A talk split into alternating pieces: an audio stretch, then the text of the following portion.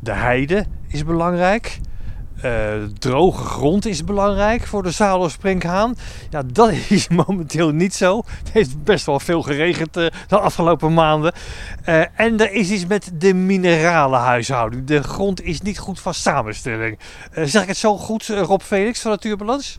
Ja, dat, dat zeg je helemaal correct. Door die enorme hoeveelheid stikstof is dus de, de bodemmineralogie is, verslechterd of veranderd heel erg.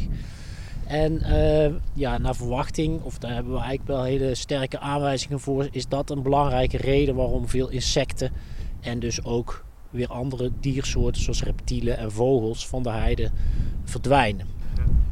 Er worden een aantal maatregelen genomen en overwogen hier in het, eh, park, eh, het Nationaal Park de Hoge Veluwe om de grond, jullie grond, te verbeteren. Leontien Krul, wat is er zo ondertussen al gebeurd? Wat hebben jullie al geprobeerd? Nou, we hebben, dat is, komt ook uit dat uh, hele plan, is ook gekeken van wat voor maatregelen kun je nou nemen. Dus we hebben plekjes uh, opengemaakt, behandeld met steenmeel en dolocal. En uiteindelijk zijn daar ook alweer uh, kruiden, aan toegevoegd.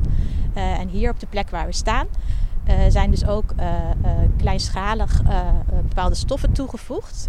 en dat is hier echt wel experimenteel om te kijken uh, uh, werkt het en, en, doet het wat we willen doen en doet het ook uh, wat we niet willen.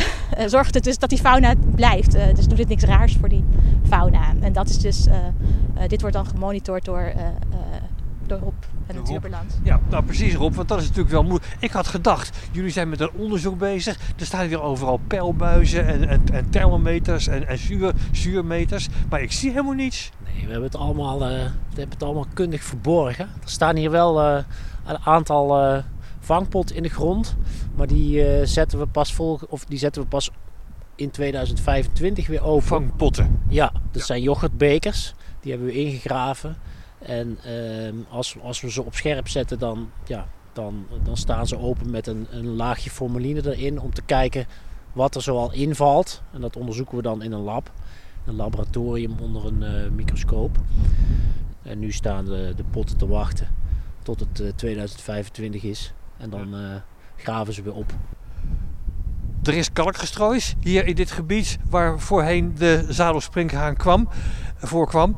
Uh, er is kalkgestrooid, dus de bodem is nu in principe weer zodanig dat het minder zuur is geworden.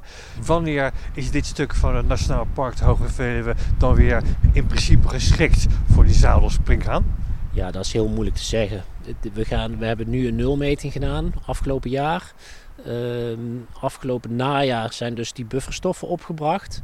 We laten het nu een jaar, anderhalf jaar uh, zijn werk doen.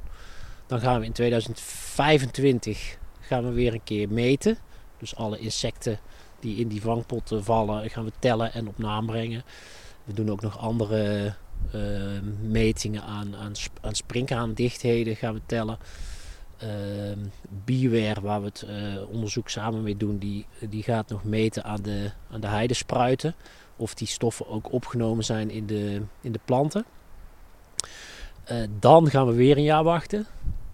En dan in 2027 gaan we nog een keer meten. En dan, ja, dan gaan we kijken, komt er iets uit? Ehm, verbetert inderdaad de plantkwaliteit.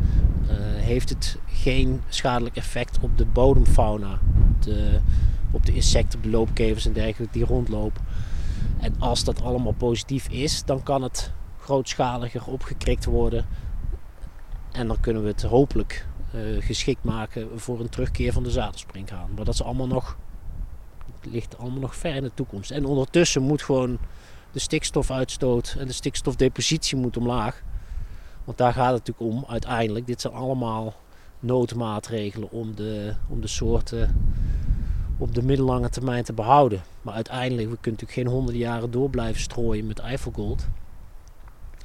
Dus uiteindelijk moet het, ja, de stikstof moet omlaag. Als iemand toch dacht dat de gevolgen van klimaatverandering eenvoudig zijn terug te draaien, dan weet ik nu beter.